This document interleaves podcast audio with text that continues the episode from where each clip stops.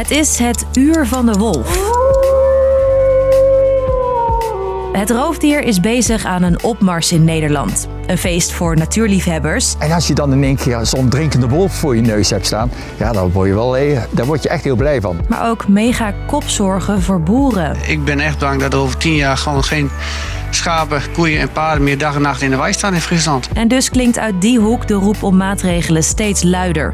Wat dacht je van een wolvenhek om de hele provincie Friesland? En Hans Wiegel die slaat morgen de eerste paal van het Friese Wolvenhek. Dat moet zo'n 150 kilometer lang worden en anderhalve meter hoog. Is dat haalbaar? Wat kan en mag er eigenlijk gebeuren tegen de beschermde wolf in ons land?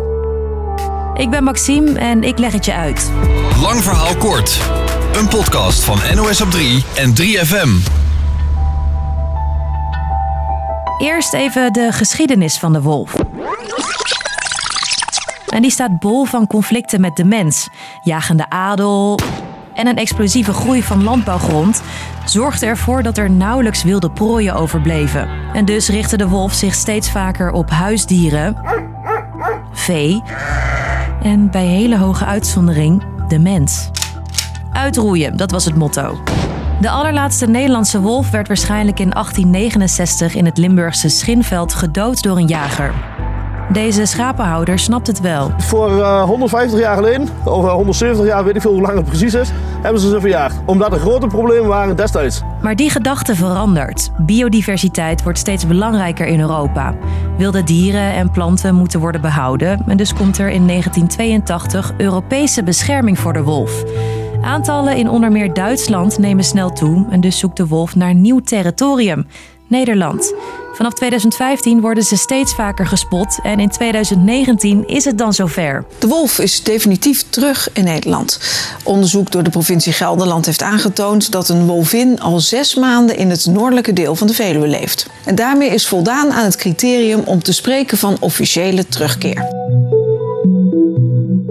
Oké, de wolf is na 150 jaar dus definitief terug in ons land. Naar schatting zijn er tussen de 10 en 15 gevestigd op de Veluwe.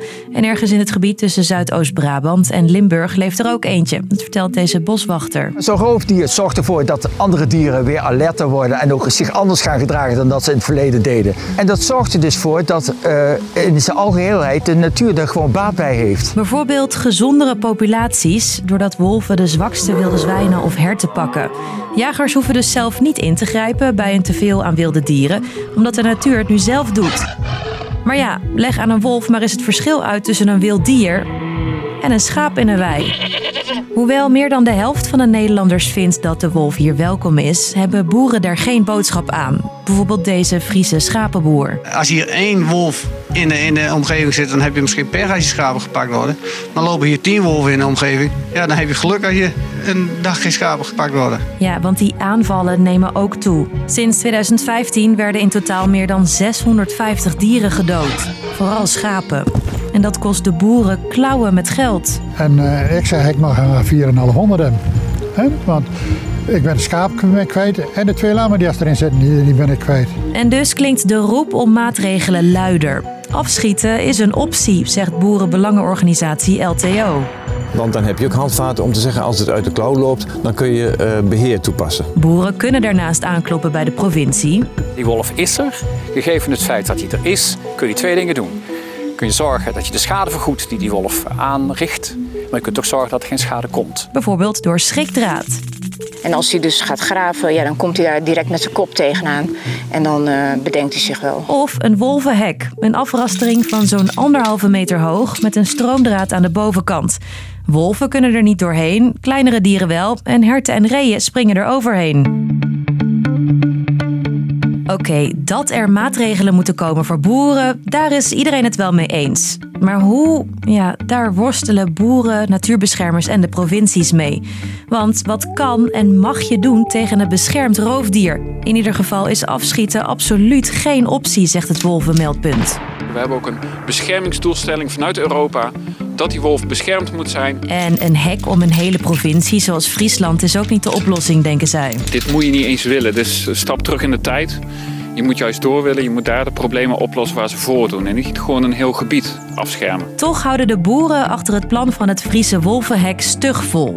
De eerste paal staat al in de grond van een proefhek van een paar kilometer lang. Vandaag zetten we deze 25 meter als uh, symbolisch begin, zeg maar. En dat is onderdeel van een pilot van een paar kilometer die we willen zetten om iedereen te laten zien van jongens, zo ziet het hek eruit. Toch heeft de provincie er zelf een hard hoofd in.